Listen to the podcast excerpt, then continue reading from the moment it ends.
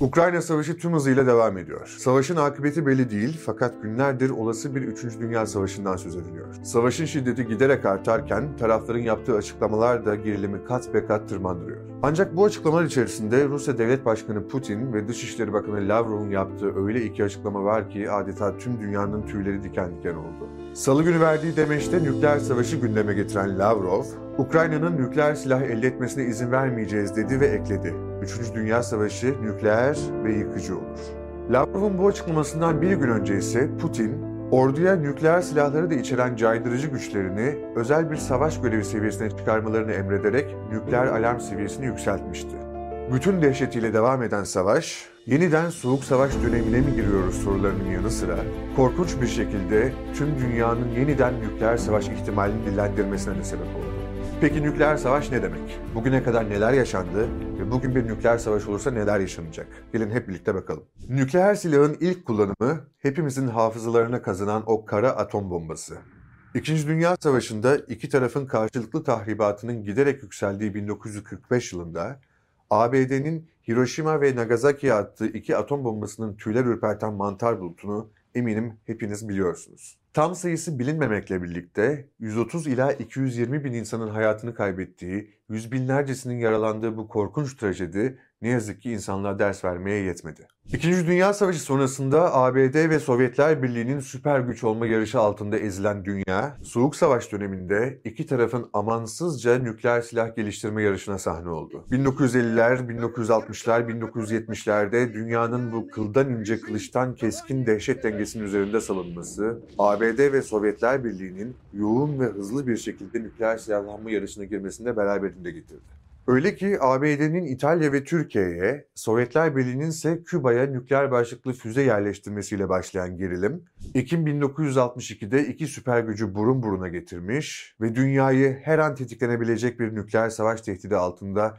boğucu bir bunalıma sokmuştu. Ancak bu iki kampın mütemadiyen daha fazla ve daha etkin nükleer silahlar üretmek yönündeki rekabetinin kimseye bir fayda sağlamayacağı anlaşılınca hem bu rekabeti hem de Soğuk Savaş döneminin tahribat potansiyelini azaltmak adına taraflar masaya oturdu. 1970 yılında yürürlüğe giren nükleer silahların yayılmasının önlenmesi anlaşması ile ABD ile Sovyetler arasındaki nükleer silah üretme yarışına sınırlar getirildi. Bu anlaşmadan sonra 40 yılı aşkın bir süre nükleer silahlanmanın sınırlanması ve azaltılması için bir dizi uluslararası anlaşma yapıldı. Peki bugün nükleer silahlanmadaki durum ne? Şu an nükleer silahı olan 9 ülke var.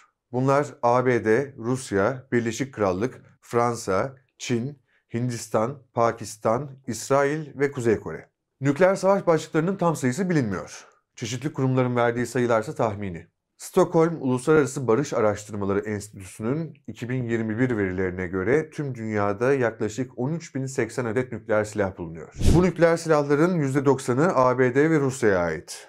Tüm silahların %30'u ise kullanıma hazır halde bulunuyor. Amerikan Bilim İnsanları Federasyonu'nun tahminine göre ise Rusya'nın 5977 nükleer başlığı var. Bunların 4500'ü uzun menzilli balistik füzeleri içeren stratejik nükleer silahlar. Fakat bunların hepsi kullanıma hazır değil. Bu silahların ancak 1500'ü füze üslerine ve denizaltlarına yerleştirilmiş durumda. Yine Amerikan Bilim İnsanları Federasyonu'nun verilerine göre NATO ülkelerinde toplam 5943 nükleer başlık var.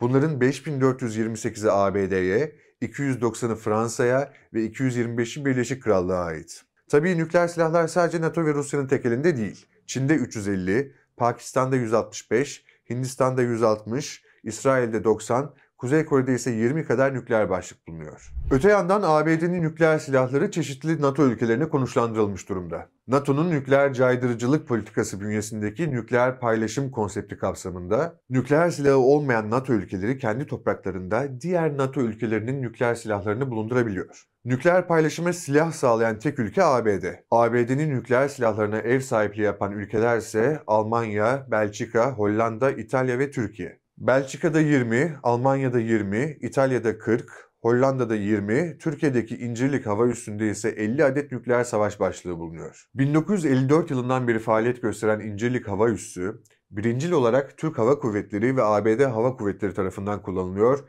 ve bu hava üssü Avrupa'da taktik nükleer silahlar bulunduran 6 NATO üssünden biri.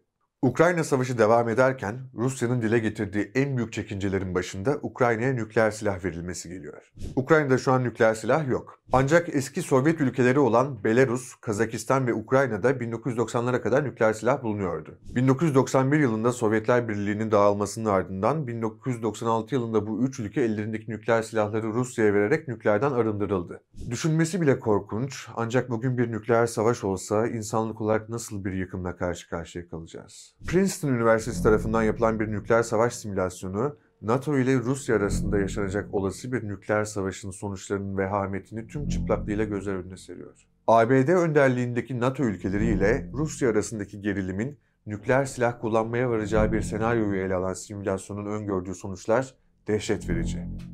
Simülasyona göre Rusya'nın Kaliningrad yakınlarındaki üssünden nükleer uyarı atışı yapmasıyla başlayan nükleer savaşın ilk 3 saatinde Karşılıklı olarak yaklaşık 480 nükleer füze kullanılması sonucunda Orta ve Doğu Avrupa'nın dev bir yıkıma uğraması ve savaşın ilk saatlerinde 2.6 milyon insanın hayatını kaybetmesi tahmin ediliyor. Simülasyonun devamında Avrupa'nın yıkıma uğramasının ardından ABD topraklarından 600 kadar nükleer başlık ile Rus silah sistemlerinin hedef alınması ve Rusların da silah sistemleri imha olmadan kullanabileceği uzun menzilli füzeleri fırlatması, ve iki tarafında nüfusu en fazla olan şehirleri ve ekonomi merkezlerini hedef alması durumunda savaşın ilk 6 saatinde 34.1 milyon insanın hayatını kaybedeceği, 57.4 milyonun yaralanacağı ve Kuzey Yarımküre'nin devasa bir yıkıma uğrayacağı öngörülüyor. Korkunç bir tablo. Topu topu son 120 yıl içerisinde 1. ve 2. Dünya Savaşı'nın ve sonrasında yaşanan bir dizi savaşın tahribatını, atom bombası patlamalarının ürkütücü fotoğraflarını, yaşanan yıkıcı trajedileri ve ayaklar altına alan insanlık onurunu görmeyen, unutan, bunlardan ders almayan insanlık medeniyeti ne yazık ki 2022 yılında yine yeniden nükleer savaş ihtimalini konuşuyor. Savaş her haliyle rezil bir şey ve bu rezilliğin bir an önce son bulmasını diliyoruz.